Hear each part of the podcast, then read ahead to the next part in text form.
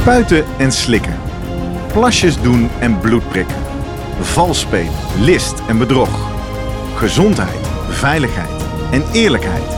Soms jaren later nog. Frustratie, onmacht en omgekeerde bewijslast. Dit zijn de doping specials van de Slimmer Presteren podcast.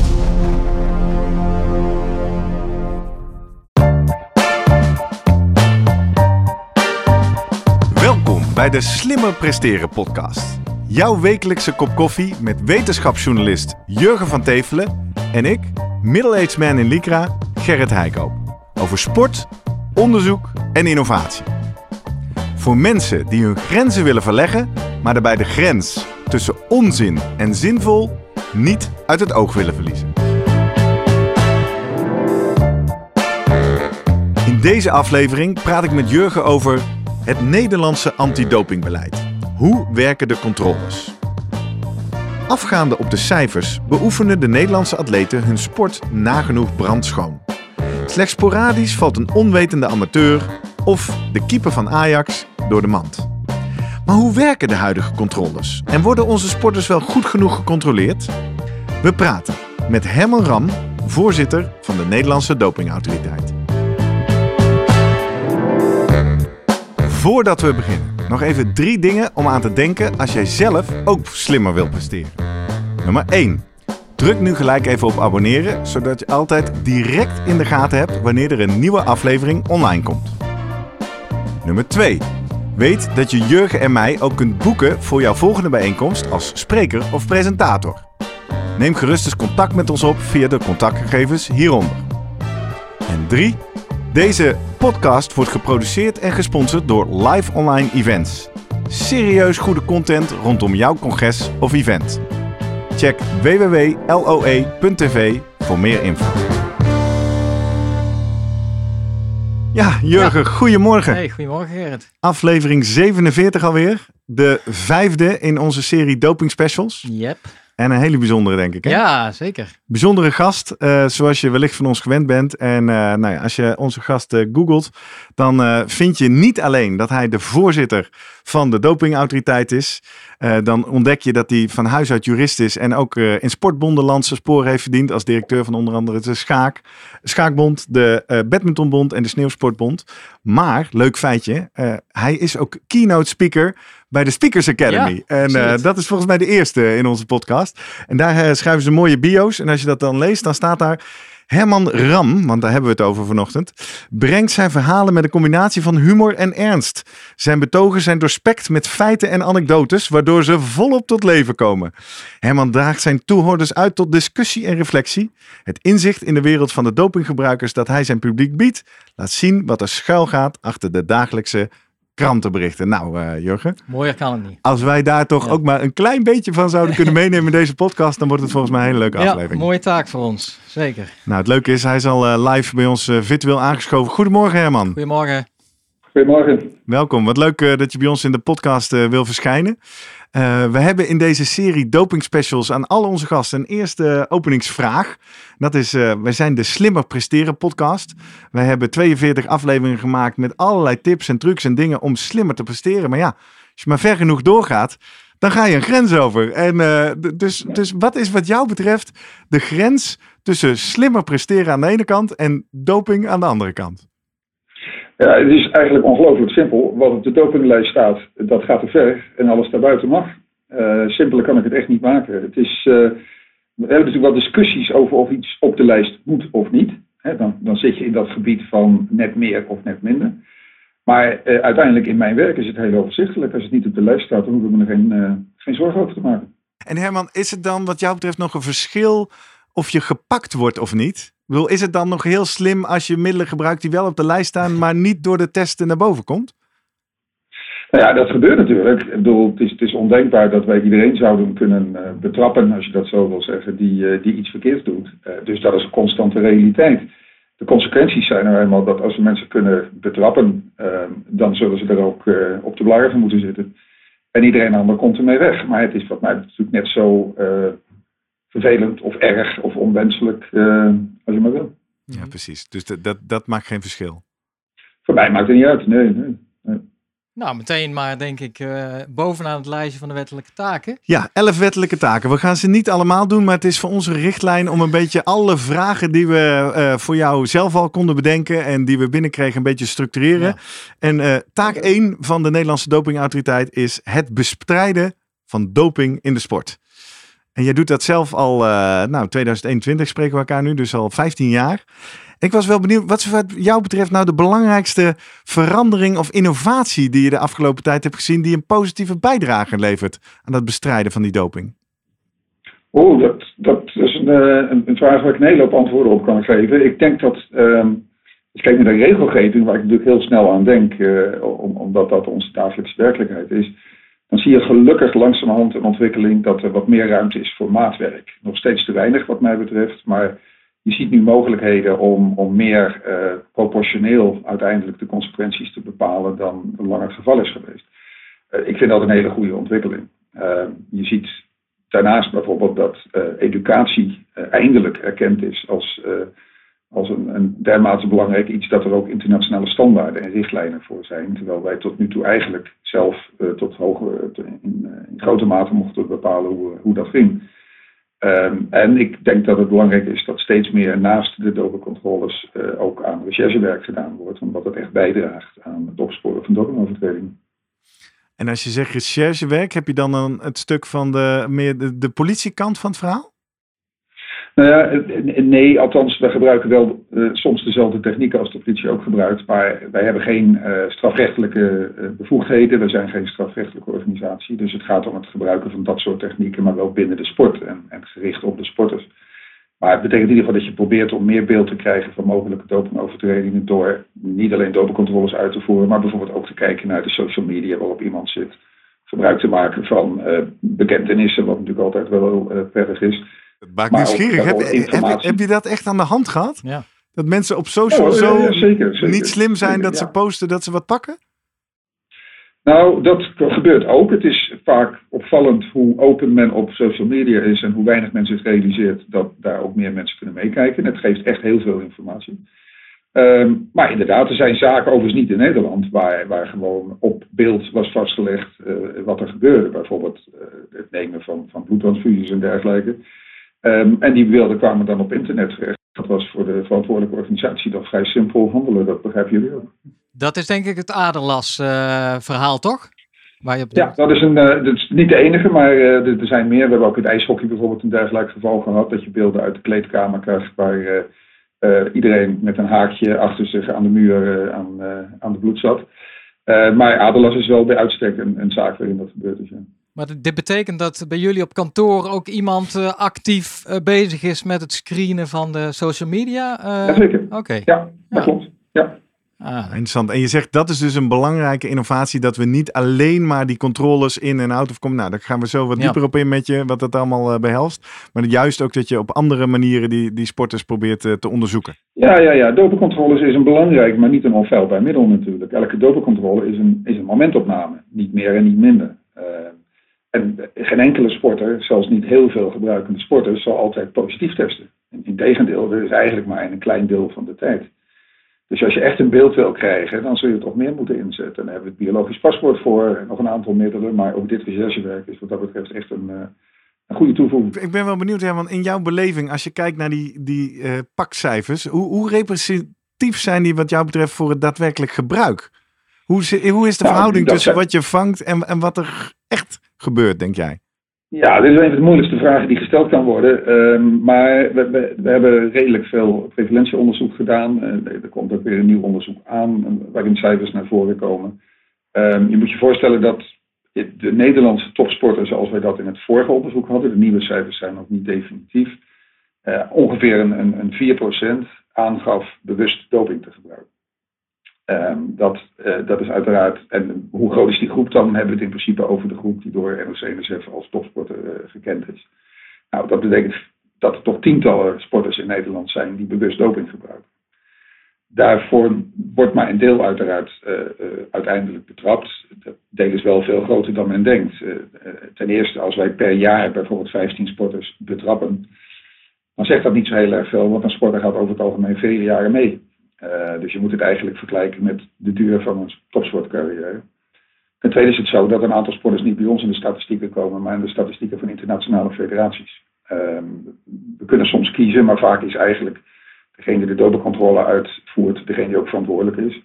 Dus als dat een internationale federatie is, dan wordt die daar afgehaald.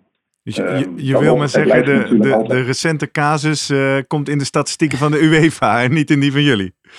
Klopt, nee precies. Nee, dat, uh, ik ga een beetje verwijden om over concrete zaken te spreken. Maar inderdaad, die, dat is gewoon een UEFA-zaak, dus die vind je daar niet bij ons. Brengt ons uh, tot... volgende onderwerp. Ja. tweede wettelijke taak is natuurlijk het, het, uitvoeren van de dopingcontroles. Ik vind het altijd leuk om in deze podcast de vraag te stellen: laten we eens beginnen bij de basis. Wat voor soort dopingcontroles zijn er? Wat voeren jullie uit? Je kan het op verschillende manieren uit elkaar houden. Uh, je hebt sowieso uh, bloed en urine. Dat uh, maakt natuurlijk nogal wat uit. Urine is verreweg het meeste. in, in aantallen denkt men heel vaak aan bloed. En wordt ook heel vaak gezegd: het zat in zijn bloed. Maar wij kijken eigenlijk vooral naar urine, om allerlei redenen. Je kunt er over het algemeen veel meer in vinden. Um, en het is natuurlijk minder belastend voor de sporter. Een naald in de arm is toch net weer een stap verder. Dus dat proberen we, waar het niet nodig is, ook te vermijden. Een ander belangrijk onderscheid is binnenwedstrijdsverband en buitenwedstrijdsverband. Um, dat heeft consequenties voor waar naar gekeken wordt. Want de lijst binnenwedstrijdsverband is langer dan de lijst buitenwedstrijdsverband. Dat is een beetje 50-50, meen ik, hè? De out of competition of de... Ja, daar streven we wel naar. Uh, wij vinden dat het allebei uh, belangrijke onderdelen van het programma zijn. 50-50 uh, is het streven. Het ene jaar kan het er net de ene kant op gaan, dan de andere kant op. Maar dat maakt niet zo heel veel uit. Kunt je wel voorstellen dat uh, binnenwedstrijdverband in veel opzichten ja, makkelijker en effectiever is. je hebt de sporters in ieder geval bij de hand, dus dat is dan een zekerheid. En je kunt meer sporters in één keer in één sessie controleren. Terwijl buitenwedstrijdverband, als je bij iemand aan huis gaat, dan is het natuurlijk één op één. En dat is, kun je voorstellen, wat tijdrovender. Ja. Want hoe, hoe werkt zo'n in, in competitiecontrole? Wordt dan de hele top 10 gecontroleerd? Of wordt er geloot? Of hoe, hoe bepaal je wie er naar de... Of altijd de winnaar? Hoe werkt dat? Oh, dat, verschilt. Uh, er, zijn, er zijn nogal wat mogelijkheden. Hangt ook erg van de, van de sport af. het is vaak een gewogen loting in die zin dat bijvoorbeeld vooraf bepaald wordt in een wielenwedstrijd, als ik dat voorbeeld zou willen noemen eh, welke eindklasseringsplaatsen gecontroleerd worden. En daar zit dan de winnaar heel vaak bij, logischerwijze. Maar dat kan bijvoorbeeld, ik noem maar wat, plaats 1, 3, 6 en 10 zijn. En die op, op die posities uitkomen, die, eh, die worden dan voor een controle opgeroepen. Maar het is dus wel gelood in de zin dat je niet kan denken, oh wacht even, we moeten even de trap stilhouden, want dan omzeil ik uh, de dopingcontrole een tijd lang, uh, maar dat is gelukkig over lang geleden, en dan heb ik het echt over meer dan twintig jaar geleden, toen er ook nog geen wereld antidopingprogramma was. Uh, maar toen kwam dat wel voor, omdat bekend was dat bijvoorbeeld nummer 1, 2 en 3 in het wielrennen er altijd uitgehaald werden. En daar zijn ook echt mooie filmpjes, ik denk dat ze op YouTube te filmen zijn, waar men erg in de remmen gaat om te voorkomen dat bij de eerste drie uh, uitkomt. Uh, daarom zit er ook veel meer willekeur in. We kunnen ook op naam controleren. Dat kan in elke sport. Uh, als je toch denkt dat, uh, dat Jantje of Pietje aan de beurt is, dan kun je naast dat soort op, op positie plaatsen ook gewoon op naam loten. Bijvoorbeeld in een, in een, in een, een teamsport is dat natuurlijk anders. bij een, de meeste teamsporten wordt er dan geloot in die zin dat er in een team een aantal namen worden geselecteerd vooraf. Standaard eigenlijk in allebei de teams evenveel. En die worden dan na de wedstrijd opgeroepen. Nou, stel dus, ik, ik doe nog mee bij een, een, een, triathlon in mijn categorie. En nou, ik eindig op de vijftiende plek. En toevallig is die gelood voor, voor een controle. En dan lever ik mijn plasje in. dat gaat naar het lab, hè, denk ik. In, in Gent waarschijnlijk. Ja. Of Gent of Keulen. Wij, ja. wij werken steeds meer met Gent. Dat is eigenlijk het standaardlab waar we nu mee werken. Ja. Die, uh, nou, stel dat zij iets, iets vinden van een, uh, een aantal, een, een stof die op de dopinglijst staat. Zij melden dat dan via dat systeem, dat Adams systeem naar WADA als eerste, klopt dat? Nee hoor, dat, die, ze melden dat eigenlijk tegelijkertijd aan drie partijen. De opdrachtgever, dat zouden wij op dat moment zijn. Dat is eigenlijk de melding, want wij zijn de opdrachtgever van die controle. En eh, die wordt als het ware CC tegelijkertijd, wordt die bij de internationale federatie, in dit geval dan de, de Triathlonunie, en, en bij WADA afgeleverd. Dus op drie plaatsen is men op dat moment op de hoogte. En dan het volgende initiatief komt vanuit jullie om te kijken, oké, wat is hier aan de hand? Uh, is er eventueel een medisch attest of is er een, ja, een verklaring voor deze positieve test? De, de, term is initial review. Er is geen goede Nederlandse term, dus dan doen we het maar in het Engels. Dat geldt trouwens voor heel veel dingen in, uh, in ons vak. Um, ja, alles vanaf die melding tot aan het, uh, het, moment dat we de sporter informeren over wat we gevonden hebben, dat, daar gebeurt nog wel wat. er zijn veel administratieve controles, er staan alle paraafjes tussen, alle vakjes netjes aangevinkt enzovoort. Dat is echt belangrijk. Je, kijkt echt of die, die, die procedure 100% vloeiend en correct verlopen is. Maar je kijkt inderdaad bijvoorbeeld ook naar de beschikbaarheid van een, een, medische dispensatie. Als die er is en die dekt de bevinding, dan kun je dat dossier al heel snel weer sluiten natuurlijk. Um, soms kijk je ook bijvoorbeeld al, al, terug. Wat heb je aan eerdere controles gehad? Zit daar een lijn in? De, dus er kan nogal wat werk gaan. En dat betekent ook dat er tijd overheen gaat. Er ligt over het algemeen 1 tot 2 weken tussen het moment dat wij horen dat er een positieve clause is en het moment dat de sporter gecontroleerd, uh, geïnformeerd wordt. Ja, dat lijkt best wel als ik uh, in, in, het jaarverslag kijk. Ja, dat zijn best wel, best wel behoorlijke aantallen waar uiteindelijk van het moment van positieve uitslag tot aan de straf. Ja, dat is, dat is meer dan de helft die afvalt, hè? inderdaad, door nou, procedurele ja. fouten of de, de medische attesten. Dat is inderdaad dat is een beetje de schatting zoals dat nu op dit moment is. Nou, die procedurefouten, getalsmatig is dat eigenlijk uh, bijna te verwaarlozen, want er worden niet zoveel fouten gemaakt, maar er wordt altijd wel naar gekeken. En er zijn meerdere redenen waarom het afvalt. Medische dispensatie is daar verreweg de belangrijkste van. Uh, en dat betekent dat gelukkig een, een, deel van die dossiers dus eigenlijk heel snel gesloten kan worden. Er kunnen andere redenen zijn om, uh, om het niet door te zetten. Die kunnen bijvoorbeeld liggen in, in de, de bevinding die nog net op de grens of net onder de grens is. En dat er meer onderzoek nodig is. Want we hebben niet alleen positief en negatief, we hebben ook nog iets daartussenin wat wij atypisch noemen. Atypisch zou je ook verdacht kunnen noemen, uh, noem er maar een term voor.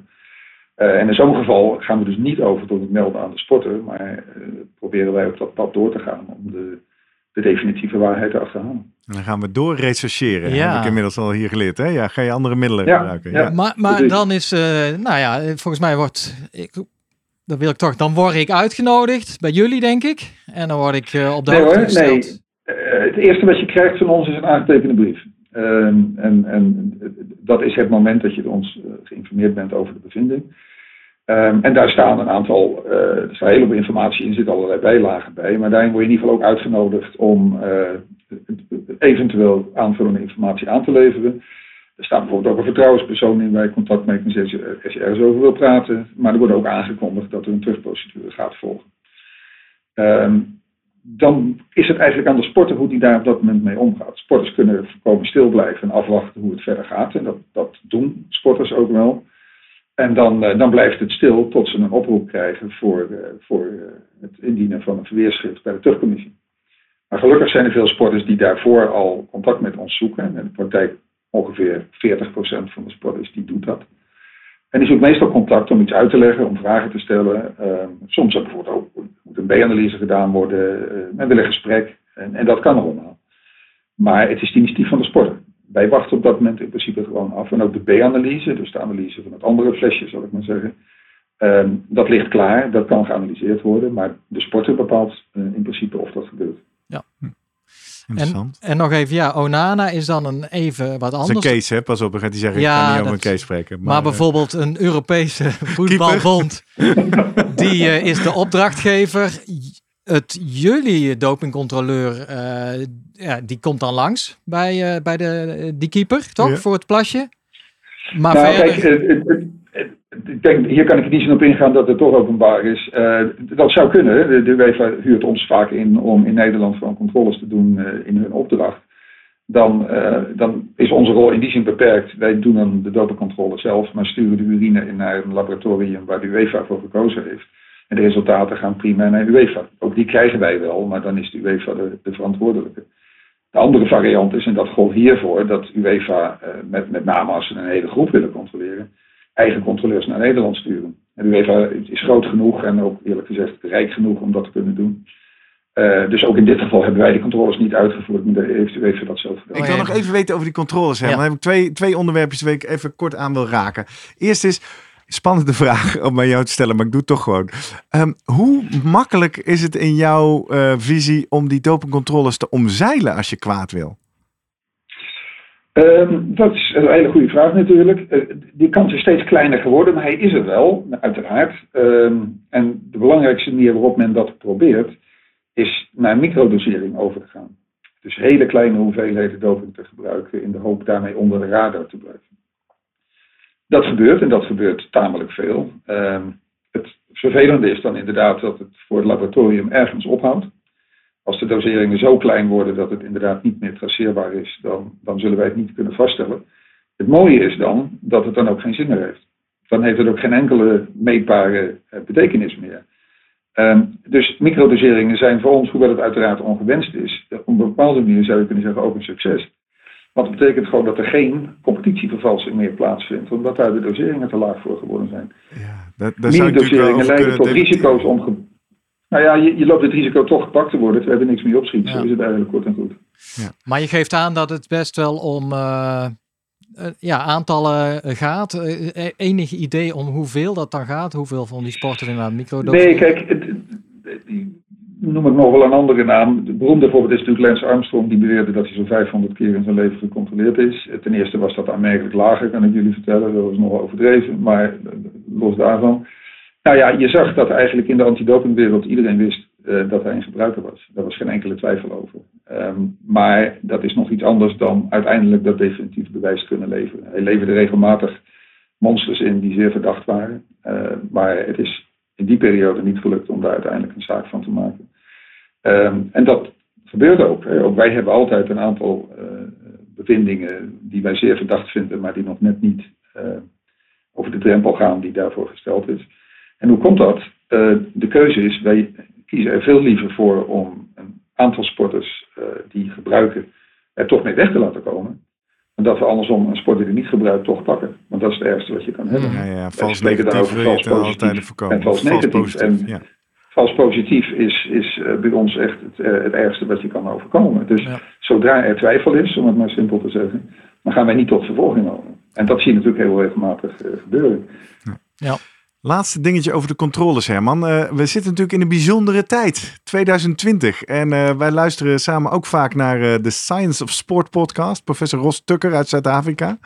En die maakte onlangs bekend. Die zei, ja, doping-experts zeggen de enige incentive om niet te dopen zijn de dopingcontroles.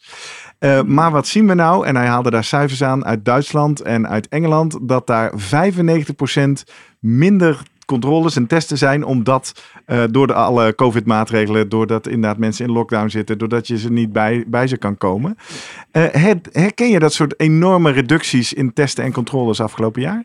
Nou, even voor ik daar antwoord op geef. Er zijn natuurlijk veel meer incentives voor sporters om niet te dopen. Uh, bijvoorbeeld uh, morele overwegingen en gezondheidsoverwegingen. Het overgrote deel van de sporters gebruikt niet. En uh, dopingcontrole spelen daar natuurlijk een rol bij. Die hebben een afschrikwekkende werking. Maar er zijn gelukkig ook heel veel sporters die gewoon zelf vinden dat ze het niet moeten doen. Omdat ze dat oneerlijk vinden of ongezond of enzovoort. Dus sowieso, er zijn veel meer incentives gelukkig dan alleen maar de dopingcontrole.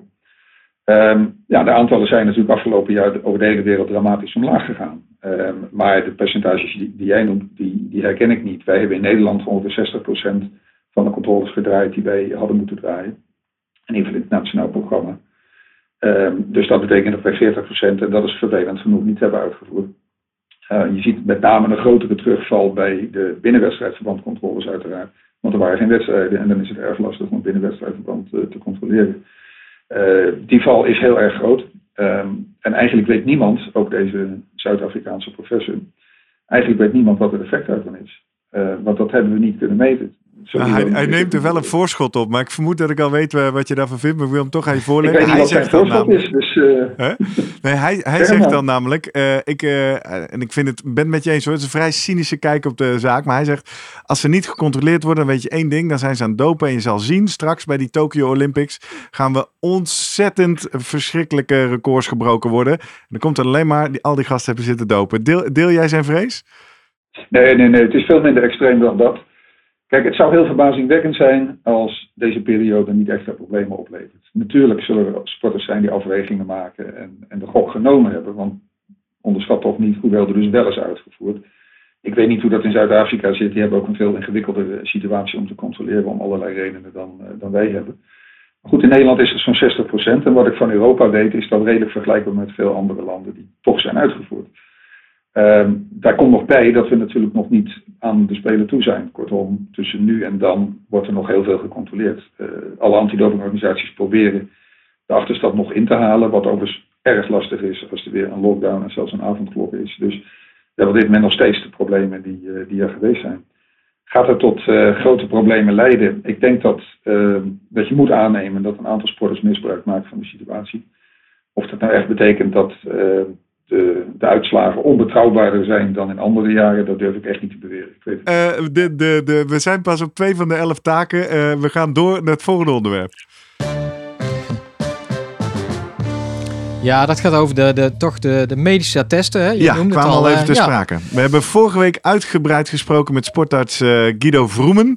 Uh, en, en zijn rol als sportarts in het veld. Maar we zijn toch ook even benieuwd. En ja. dit onderwerp is ook veel korter om dat even aan jou voor te leggen. En dat is toch even dat, dat rapport weer van Sterk Spul. Waar ik ja, de, las bijvoorbeeld van een, een respondent in dat rapport vertelde eigenlijk uh, van, uh, nou toch het idee dat er, dat er ja, het aantal medische testen aan het toenemen is of toegenomen is. Met bijvoorbeeld deze nou ja, uitspraak als dat een, bij een atleet een heel boekje vol gezien te hebben met de attesten. Een ander heeft zelfs bij een topsporter een kast vol met medicatie zien staan. In de veronderstelde toename van dispensaties wordt door de respondenten het grootste gevaar gezien. Je test positief, het is prestatiebevorderend, maar het mag van de dokter, zo schetst een van hen. Ja, hoe kijk jij uh, tegen de rol van de sportartsen aan in, in dit en, en, de medische attesten? Is het, is het aantal toegenomen? Is het, een, uh, ja, is het iets waarvan jij denkt van hé, hey, dit, uh, dit moeten we in de gaten houden, dit gaat de verkeerde kant op? Uh, kijk, deze meneer was uh, niet erg uh, bij en op de hoogte, vrees ik. Attesten kennen wij al meer dan twintig jaar niet, dus dat is toch wat achterhaald. Een attest is een, briefje van de dokter dat het mag, maar dat is al lang niet meer hoe het werkt. hier zijn aparte commissies voor. Het is dus niet de behandelend arts die hierover besluit, maar dispensatiecommissies. En dat maakt natuurlijk al een verschrikkelijk groot verschil. En de aantallen stijgen niet. Dus ook in dat opzicht is het vrij overzichtelijk. Uh, de Nederlandse dopingentiteit geeft gemiddeld per jaar zo'n 100 uh, dispensaties af. En dat is het ene jaar wat meer en het andere jaar wat minder. Maar dat is eigenlijk een uitermate stabiel uh, aantal. Maar veel belangrijker in deze hele discussie is natuurlijk waarom worden de dispensaties eigenlijk uitgegeven. En de essentiële achtergrond daarvan is dat ook een sporter met een medisch probleem het recht heeft om te sporten. Uh, je gaat uit van het feit dat sportbeoefening echt wel een heel fundamenteel iets is. Uh, wat je niet zomaar bij, uh, bij enig medisch probleem zou moeten beëindigen. Dus wat je wil is dat sporters ook, als ze wat voor medisch probleem dan ook hebben, een goede kans hebben om te blijven meedraaien, om de competitie te blijven volgen. En daar is een systeem voor. En dat systeem is eigenlijk, ehm, zoals geen enkel systeem onfeilbaar is, is dit ook niet onfeilbaar. Maar het is opvallend goed. En er zijn eigenlijk heel weinig problemen rondom uh, verstrekte dispensaties. En de rest is anekdotiek. Hoeveel verhalen ik in uh, de 15 jaar bij de doping uit de tijd al niet gehoord heb. Dat men van alles en nog wat ziet, weet en, uh, en dat men niet begrijpt dat wij het zien. Alleen het harde bewijs wordt nou eenmaal nooit geleverd. En die hele anekdotiek is zo verschrikkelijk belangrijk voor de beeldvorming. Hoe komt dat, Herman? Ja, vorige keer ook dat, uh, dat. Is dat dan het internationaal versus nationaal? Is dan wat je nu het schetst, dat systeem met die commissies, dat dat in Nederland heel goed geregeld is en in Europa anders? Of waar, waar, komt, waar komen die geruchten dan? Nou ja, de normen zijn overal hetzelfde. Ik kan natuurlijk niet, niet uh, uh, voor elke dispensatiecommissie ter wereld instaan, maar ze werken exact op dezelfde normen. En volgens heeft het Wereld Antidopingagentschap het recht om in te grijpen als dat niet goed gaat. Uh, daarmee heb ik natuurlijk niet gezegd dat ik zonder meer kan stellen dat van de wereld ook echt volkomen uh, gelijk wordt afgehandeld. Maar het is niet zo dat dit per land een beetje kan worden bepaald of per sport en, en dan zien we wel. Uh, wat je vooral ziet is dat de achterdocht altijd over de grens is. Daar bedoel ik mee. Het is een oeroud onderzoek en we kunnen het elk jaar herhalen. Als je sporters vraagt of ze denken dat de doping gebruikt wordt, dan zullen ze altijd zeggen dat het in hun eigen directe omgeving, hun eigen ploeg, hun eigen selectie, heel erg weinig voorkomt. Dat het in de sport in Nederland wel meer voorkomt, maar toch nog niet heel erg veel. En dat het in het buitenland heel erg veel voorkomt. Ja. Ja, ja. Uh, als je dat in Rusland vraagt. Is Eigenlijk een heel groot compliment aan jou uh, en je team, Herman. Jawel, maar het, het is, ook dit gaat over perceptie. Want als je het een, een, een Rus vraagt, dan zal hij precies hetzelfde vertellen. De Rus zal ook in het buitenland meer problemen zien dan thuis. En dat heeft te maken met hoe de menselijke geest werkt. Dit gaat over uh, wat je kunt zien en wat je niet kan zien. En wat je kunt zien, je directe omgeving, en je ziet er niet veel gebeuren, dan is de conclusie, er zal wel meevallen. Wat je niet kan zien, is wat er over de grens gebeurt. En dan zal het wel fout zijn. Zo werkt dat. En dat betekent dus ook dat je ontzettend moet uitkijken met de veronderstelling dat het buiten Nederland uh, Sodom en Gomorra is. Terwijl wij het in Nederland op orde hebben. Dat laatste vind ik wel prettig om te weten, maar het eerste is toch lastig. Ja. Maar uh, kijk, bij jullie jaarrapport kan ik inderdaad netjes vinden van het aantal medische dispensaties. En ook, ja, wat je zei inderdaad, iets van rond de 100 de laatste jaren. En dan, nou, misschien 20, nou, 10, 20 procent wordt afgewezen. Is er, zijn die getallen inderdaad ook uh, van alle, alle andere landen om ons heen bekend eigenlijk? Kan, zijn die te vinden voor een, nou ja, een, nieuwsgierige journalist als ik? Nou, dat kon wel eens een probleem zijn. Uh, want, uh, laat ik zeggen, in West-Europa zul je dat bij al mijn collega's zonder meer op een website moeten vinden. Als het niet zo is, dan zal ik ze een belletje geven. Dan, uh, dan, dan moet dat in orde komen. We hebben okay, nu. Maar ik, moet aan het werk. maar ik, doen. Ik vrees dat, uh, dat ik dat niet kan zeggen voor alle landen in de wereld. Er zijn overigens natuurlijk ook nog heel veel landen die geen antidopingorganisatie hebben. Dan mhm. is het ook erg lastig om een website te hebben waar je iets op publiceert. Um, maar um, uiteindelijk kun je wel alles terugvinden bij het Wereld Antidopingagentschap. En dat is in die zin altijd wel weer heel erg mooi. Uh, al die statistieken, al die cijfers, al die gebeurtenissen worden uiteindelijk opgeslagen, verwerkt en gepubliceerd door het Wereld Antidopingagentschap. En daarbij zijn dispensaties niet iets heel erg groots of belangrijks. Maar als het gaat om de controles die worden uitgevoerd, de aantallen en de aantallen overtredingen die worden vastgesteld. Dan kun je altijd bij WADA terecht voor een goed overzicht. Dat klopt. Dat, eh, en zo, eh, dat moet ik ook. Ja, ik vond het een paar jaar geleden echt lastig om die dingen te vinden. Maar ik moet zeggen, de laatste jarenporten lukt dat wel. Maar ik ga op zoek naar de medische testen, want daar ben ik nog niet op gestuurd. Maar dat, nou, daar vind, je, daar vind je niet zo'n mooi overzicht als bij die anderen. Dat vind ik wel jammer. Je kunt het daar wel achterhalen, maar er is inderdaad meer graafwerk. Ik vind wel een, eh, een goed punt dat je maakt. Uh, niet dat ik het kan oplossen, maar uh, ook dat zou wat mij betreft net zo transparant uh, moeten worden gepubliceerd als alles. Er zitten overigens wel weer wat problemen aan vast die weer met privacy te maken hebben, maar ehm, dat zou oplosbaar moeten zijn. Laatste vraag over de, over de sportartsen. In het gesprek vorige week met Guido kwamen we uiteindelijk op het einde een soort van achter. Weet je wat er eigenlijk zou moeten zijn? Een soort benchmark dat ook duidelijk wordt welke sportarts dan veel of minder of opvallend veel uh, uh, meer uh, dispensatie aanvraagt. Ik hoor jij nu niet zeggen, wij monitoren dat heel strak. Wij zien 100 per jaar al jaren stabiel. Hebben jullie dan ook, vast niet publiek, maar hebben jullie ook in de gaten wie dan de grote aanvragers zijn? Ja, ehm, dus dat is inderdaad niet publiek. Ja. Dat is zeker, ja. Wij weten wij weten van elke eh, aanvraag welke arts daar de handtekening onder gezet heeft. Uiteraard, want er moet altijd een handtekening eh, van een behandelend arts onder staan. En inderdaad, wij houden keurig bij welke arts eh, hoe vaak daarin zit. Maar zegt dat nou heel erg veel? Kijk, als je sportarts bent in een, sport waar, laat ik zeggen, veel op gesport wordt. En de sporters strak geïnstrueerd zijn over het aanvragen van, van dispensaties dan zul je er aanmerkelijk meer krijgen dan als je uh, sportarts bent in een regionaal medisch centrum. Waar je voornamelijk uh, de mensen uit de sportschool tegenkomt. Dus het is zo. Dus je, je, bent op zoek naar schommelingen natuurlijk, hè? rare outliers. Dat, de, die zou je kunnen vinden dan natuurlijk. Ja, ja zeker. En het, daarbij hebben we in Nederland overigens nogal ernstige beperkingen als het gaat om het inzicht in, in wat artsen doen. Want wij kunnen inderdaad zien uh, of er een een, handtekening van arts X of Y onder staat en dat kunnen we netjes bijhouden. Maar verder hebben we eigenlijk heel erg weinig inzicht in hoe de medische uh, wereld in dat opzicht functioneert. En in veel andere landen, en ook daar geldt weer voor dat we met, met onze Vlaamse vrienden veel contact hebben, uh, kan de antidopingorganisatie een stuk uh, dieper kijken dan wij dat kunnen.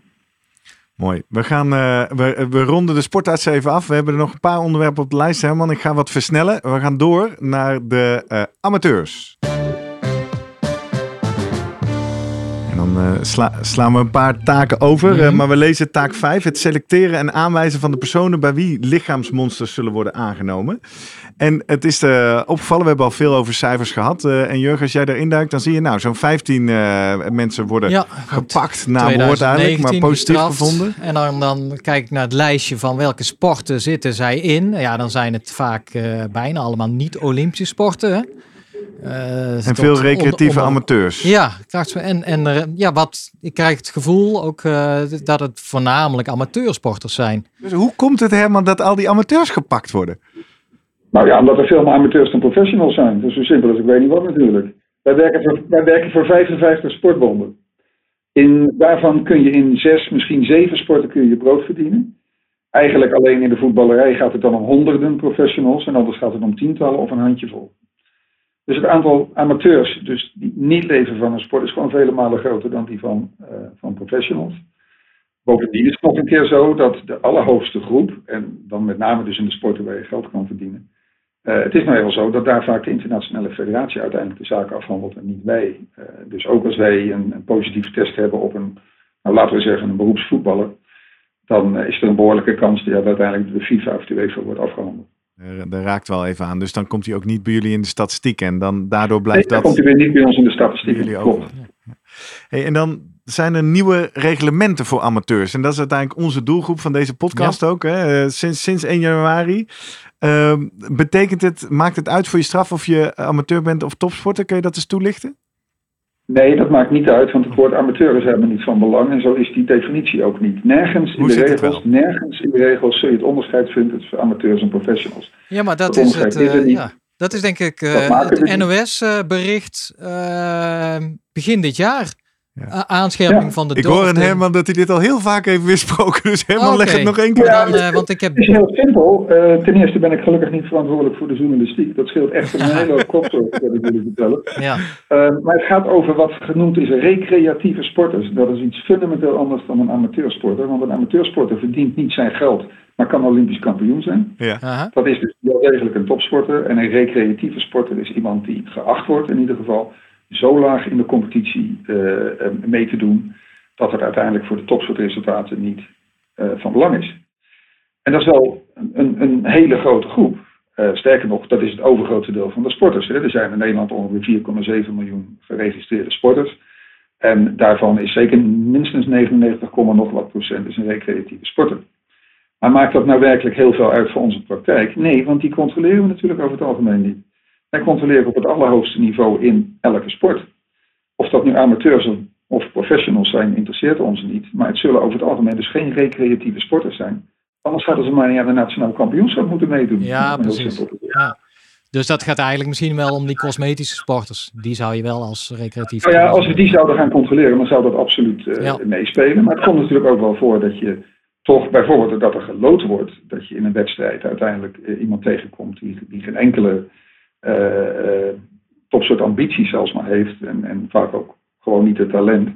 En die toch uh, de pech heeft, zou je kunnen zeggen, om, om hierin terecht te komen.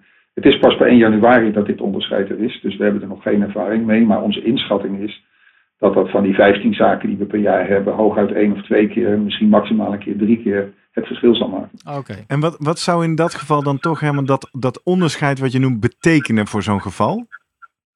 Nou, dat betekent dat er aanmerkelijk lagere straf uit kan komen. Uh, want voor die topsporter geldt dat uh, bij een bewuste dopingovertreding vier jaar de standaard is. En het is erg lastig om daar onderuit te komen.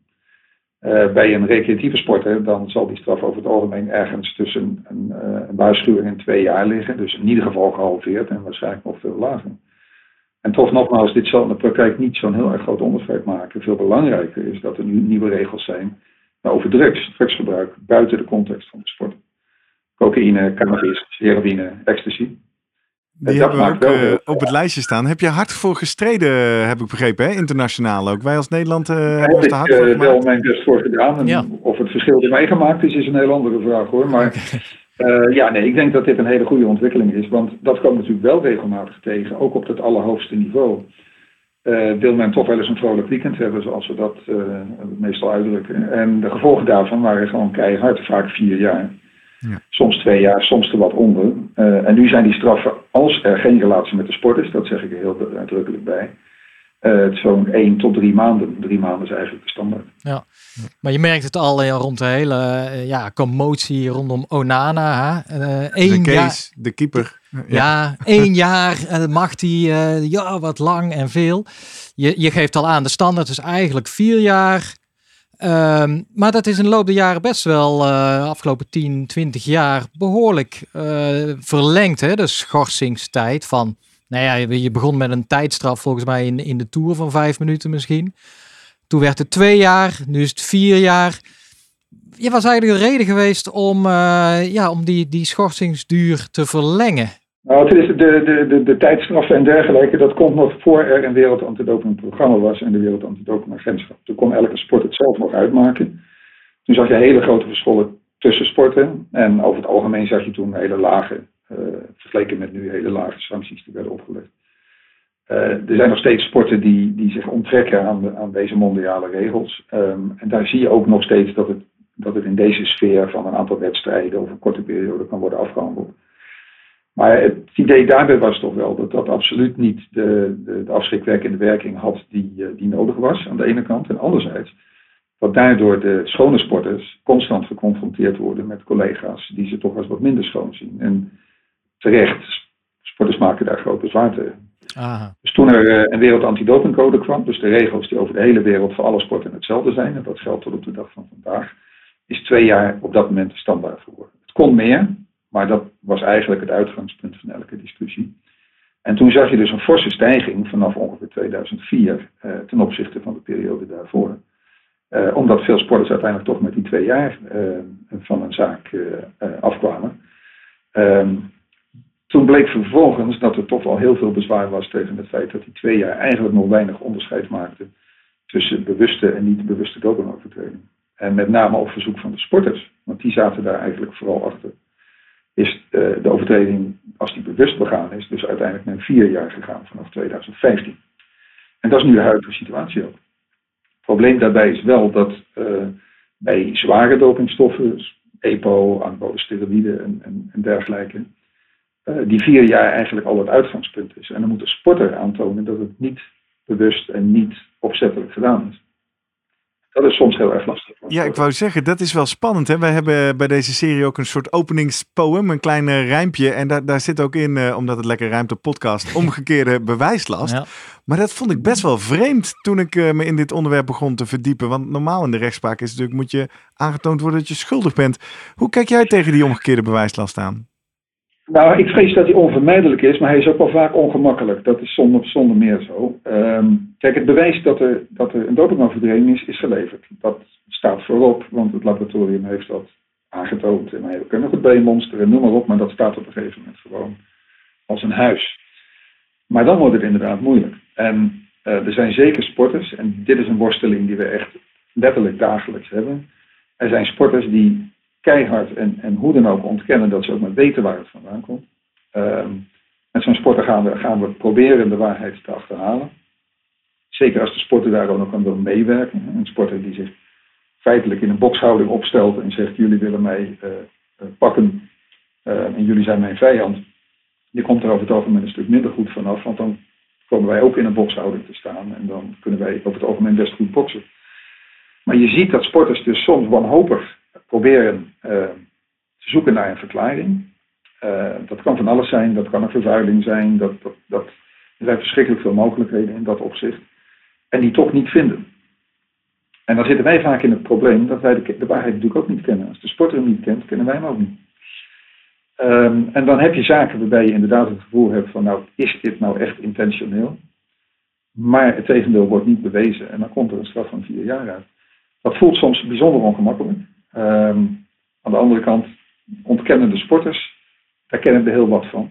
Ja, daar um, hebben we in onze eerste aflevering ook wel aan geraakt. Hè? Dat bij het ene verhaal wil je de ontkenning wel geloven en bij de andere niet. Ik kan me voorstellen hoe lastig ja, dat voor jullie is. En, en, en zonder, het, uh, zonder nou natuurlijk uh, weer eindeloos over deze uh, recente dopingzaak te hebben. Maar je ziet dus dat het publiek ehm, zeer wisselend reageert op, op verhalen over vervuilingen of medicijnproblemen of wat dan ook maar. Um, en ik heb dat ook heel erg gemerkt in allerlei zaken, vooral de, de publicitair grote zaken, dat men dat soort uh, verklaringen haast per definitie niet zal accepteren als het om een niet-Nederlandse sporter gaat. Ja.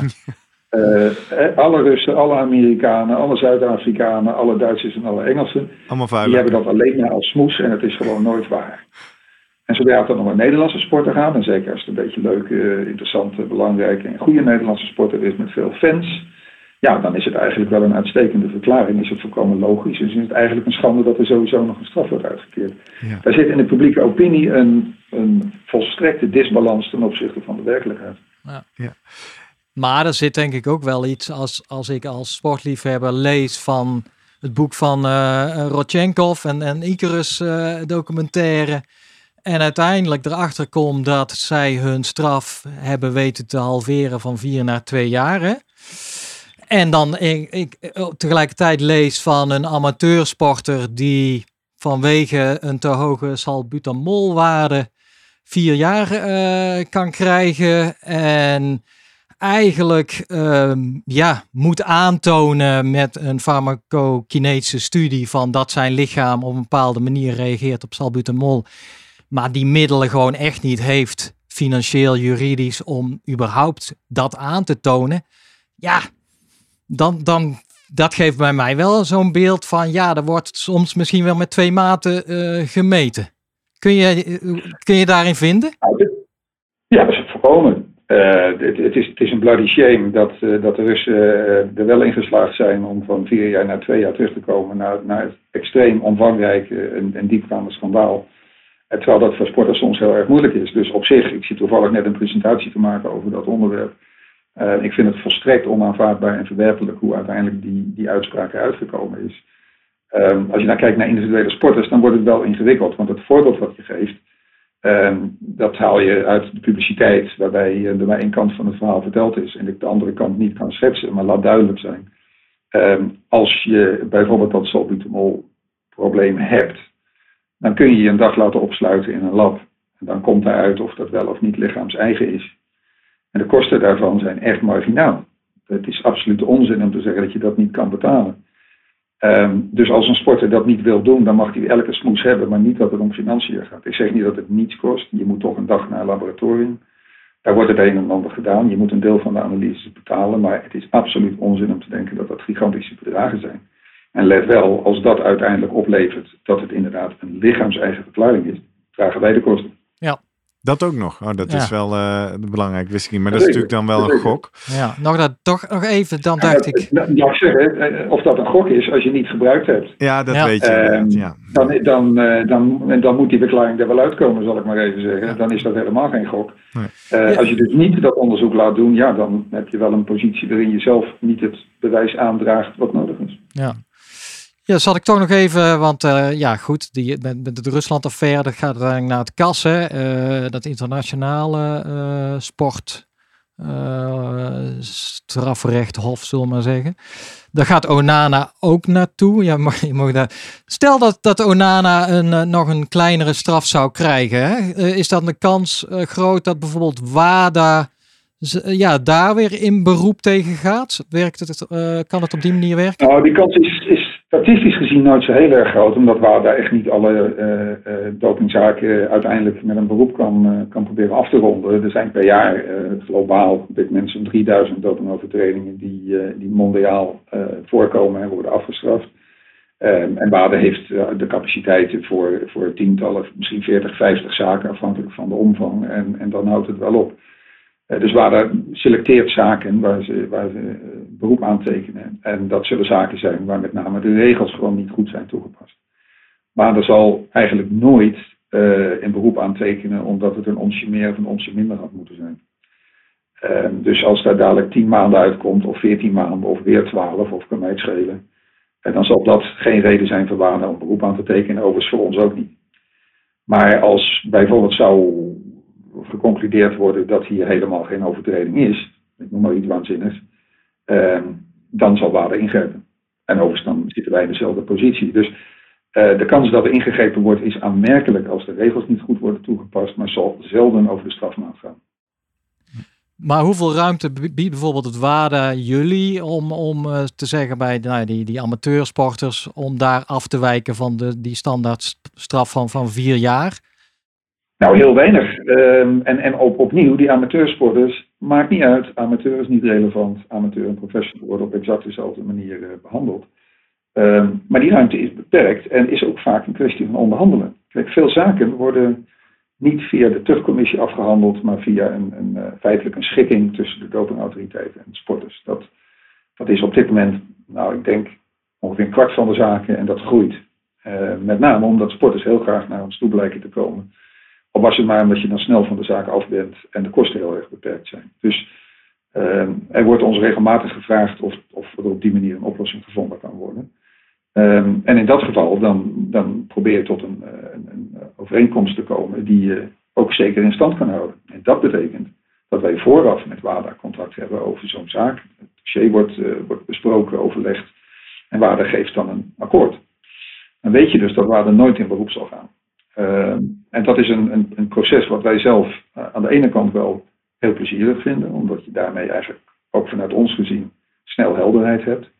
Aan de andere kant, wij vinden dat lang niet alle zaken daar geschikt voor zijn. Zaken waar de feiten nog niet helder zijn. En waar bijvoorbeeld een sporter gewoon ontkent, ja, dan gaan wij niet zeggen dat hij wel of niet uh, schuldig is. Dat is dan echt aan de, aan de tuchtcommissie. Dus het zal altijd een beperkt aantal zaken blijven. Ja, dus uh, ja, bekennen is wel fijn als, als, als ze dat doen, zeg maar. maar ja, wij wat... vinden dat zelf een uitermate plezierig invalshoek. Ja, ja. ja. En, maar daar, uh, wat, wat ons daarbij ook opviel, is eigenlijk dat je strafmindering mogelijk is op het moment dat jij ja, om, uh, om het maar uh, plat te zeggen, iemand anders erbij lapt, hè? zeg maar. Uh, een een nou, collega of collega We merken dat daar erg onsympathiek op wordt gereageerd. Ja. dan zeggen, dat wordt erg onsympathiek gevonden. Hoe, hoe kan je uitleggen waarom dat voor jullie een belangrijke tactiek toch is? Nou, het is voor ons niet zo direct een belangrijke tactiek, want in Nederland speelt het eigenlijk geen reële rol. Uh, maar ik begrijp heel goed dat het in de Wereld Antidopingcode is opgenomen. Dus geldt het ook in Nederland. En dus moeten wij dat ook altijd aan de sporters melden. Mm-hmm. Maar uh, is het dan vervolgens zo dat men op basis daarvan bij ons uh, probeert een strafvermindering te krijgen? Dat is nog nooit gebeurd. Dat speelt in de praktijk dus eigenlijk Dat is nog nooit gebeurd, zeg je? Oké. Okay. Nee, dat is nog nooit gebeurd. Ja, dat, wel dat, dat is wel mooi, hè, Herman. Ik merk wel dat we in deze podcast, wat je, wat je net al benoemde, er is veel anek wat zei je nou? anekdotiek. Ja. Moeilijk woord. Maar in ieder geval, er gaan veel indianenverhalen rond. En uh, af en toe denk ik hier, wow, we worden wel heel uh, technisch en procedureel, maar we leggen inderdaad uh, toch ook wel goed even de cijfers neer. Kijk ook naar de klok. We zijn al een uur bezig, Jurgen. Ja. Dus ik wil eigenlijk het laatste blokje in. En die hang ik dan uh, eigenlijk niet echt op, Herman, aan een, uh, aan een taak voor jullie. We hebben er nog een paar niet gehad, maar links en rechts hebben we toch heel veel dingen besproken. Ik zou even een stukje met je vooruit willen kijken, zo aan het einde van dit gesprek. De toekomst van het antidopingbeleid. Wat, wat weet jij of denk jij of vind jij dat er moet gebeuren om het systeem verder te verbeteren? Wat, wat, welke noot heb jij nog op je zang? Nou, ik, of ik ze zelf op mijn zang heb is nog een tweede, maar... Uh, ik denk dat belangrijke ontwikkeling in de laatste uh, wijziging van de regels inderdaad is dat, dat er geprobeerd wordt om wat meer op maat te kunnen straffen. Uh, en daarbij spelen de, de, de, de, atleten zelf een hele grote rol. Atleten zijn voor harde straffen, zoals die vier jaar, voor bewuste dopingovertredingen, maar alles wat niet bewust is, zou toch anders moeten worden afgehandeld. Ik denk dat die ontwikkeling zich verder doorzet. Um, en wat er nu gebeurd is rondom de drugs, dat zal met meer uh, uh, onderwerpen kunnen gaan gebeuren. En toch is uiteindelijk de, de, de ruimte in die zin heel erg beperkt. Als je dit te ver vrijlaat.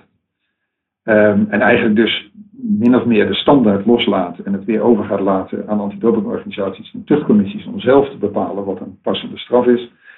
Dan keren we terug naar de jaren uh, waarbij er gewoon geen lijn was en iedereen uitermate ontevreden was. En dan zul je zeker weten dat uh, iedereen uh, vindt dat er in het buitenland veel te licht gestraft wordt en in Nederland weer veel te zwaar. Dus dat is uiteindelijk een doodlopende weg. Uh, ergens is een grens waarbij je een standaard moet vasthouden. Ik denk dat die standaard voor een deel losgelaten gaat worden. Ik denk dat de volgende wereld antidopingcode wijziging weer meer ruimte gaat geven om op maat te, te straffen. Daar zal ik ook heel blij mee zijn. maar desalniettemin zolang het Wereld in zijn geheel er is, en dus alle regels over de hele wereld in alle sporten hetzelfde zijn, zal dit toch maar een beperkte rol spelen. Daarnaast hoop ik dat er vooral ontwikkeling is die te maken heeft met situaties zoals in Rusland. Ehm, dat is ook helemaal nieuw. Hè? Pas vanaf 2018 zijn er regels hoe je omgaat met een land. Waarbij iedereen, de regering, de Olympische organisaties, de sportbonden, de antidopingorganisaties, het antidopinglaboratorium, allemaal met z'n allen betrokken zijn bij een enorme uh, uh, frauduleuze aanpak van het dopinggebeuren. Hoe ga je daarmee om? De zaak tegen, tegen RUSADA, tegen de Russische antidopingorganisatie, die uiteindelijk tot uit maar uh, twee jaar geleid heeft, is op dit moment eigenlijk de enige zaak waar dit gespeeld heeft. daar zijn ook lessen uitgeleerd en ik hoop dat daar de les uitgeleerd zal zijn dat dat in het vervolg anders moet. Goed, Herman, jij gaat afscheid nemen. Ja. Het gaat gebeuren, hè? September, geloof ik. Oktober stop jij daarmee. Juist? Ja, per 1, per 1 september. Per ja. 1 september. Ja, dan willen wij natuurlijk weten, wat ga je doen? Ga je je carrière als keynote speaker uh, uitbreiden Hmm. met uh, anekdotes vol humor? Want, want dat ben je. Je bent een geweldige uh, educator. Dat is een slecht Nederlands woord voor Ja. iemand die dingen goed kan uitleggen. Eh, wat, wat zijn je plannen, Herman? Ik, ik, het, het is pensioen. Het is uh, gewoon klaar. En uh, ik heb uh, wat dat betreft nog maar weinig echte plannen. Ik ga heus nog wel wat doen. Ik, ik, denk niet dat ik alleen maar s'morgens de krant lees en smiddag een wandelingetje maak. Maar ik heb eigenlijk geen, zeker geen, geen concrete plannen in, de, in, in een relatie tot, tot mijn vak en tot, tot dopingdingen. Daar wil ik juist echt een streep onder zetten. Oké, okay. je gaat niet de kant van Douwe de Boer op. Nee, ja, uitdrukkelijk niet. Nee, ik, het wemelt in het vak van mensen die, uh, die daar ooit iets in gedaan hebben, uh, maar nu nog steeds een, een rol spelen. Dat, uh, dat is niet wat ik ambieer. Nee. Nou, we zijn benieuwd. wij kunnen in ieder geval in het hier en nu blijven en heel erg dankbaar zijn. Ja, zeker. Leuk, veel ja, geleerd. Super interessant, veel geleerd. Heel veel Ja. vragen van tevoren opgesteld en eh, de meeste ook kunnen stellen. Ehm, dus dan gaan we je ontzettend eh, bedanken, Herman. Of eh, moet ik dan nog even de deur openzetten? Is er nog één belangrijk ding wat je had voorgenomen om hier te delen? Wat je nog aan onze kijkers en luisteraars kwijt wil?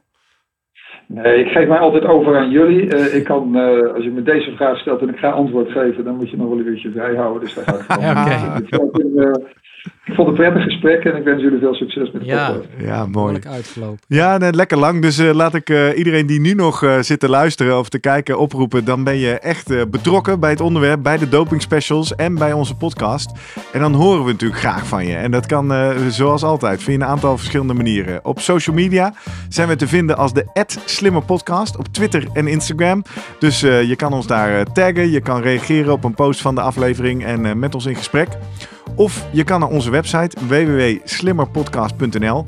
Daar vind je van iedere aflevering een eigen pagina waaronder je ook kan reageren, vragen stellen, reacties, verduidelijking, uh, verduidelijking over dingen die je vandaag hebt gehoord en niet begrepen of die je anders ziet. Uh, en als je zegt, nou, ik hou er niet zo van in, om dat in het openbaar te doen. Het, is, het blijft toch doping, hè, Jurgen, dus misschien wil niet iedereen zich daarmee afficheren. Dan kun je ons ook mailen via post.slimmerpodcast.nl. Kom bij ons in de inbox, we reageren altijd. En we hebben iets besloten, naar aanleiding van alle reacties uh, de afgelopen weken. We voegen een achtste aflevering aan onze doping specials terug. Uh, aflevering 8 van 7. Ja. Waarin we alle vragen en reacties die we over dit onderwerp hebben binnengekregen verzameld hebben. En allemaal gaan beantwoorden. In ieder geval jij en ik samen. En uh, Guido uh, sluiten we daar ja. waarschijnlijk ook bij aan. Dus heb je vragen, stuur ze in. Je hebt nog tot 1 april de tijd. Want dan gaan we hem opnemen. Dus als de laatste aflevering gepubliceerd is van deze specials. Maken wij een alle vragen special daarna. Dus daarmee komen we aan het eind van deze bijzondere aflevering uh, met Herman Ram. Herman, nogmaals, dankjewel. Dankjewel, Herman. Volgende week gaan we praten over uh, uh, schone, schone sport, hè? Ja, met Marco. Marco. Marco Knippen. Leuk. Lijkt me leuk. Ja. Kijk ernaar uit. Tot volgende week.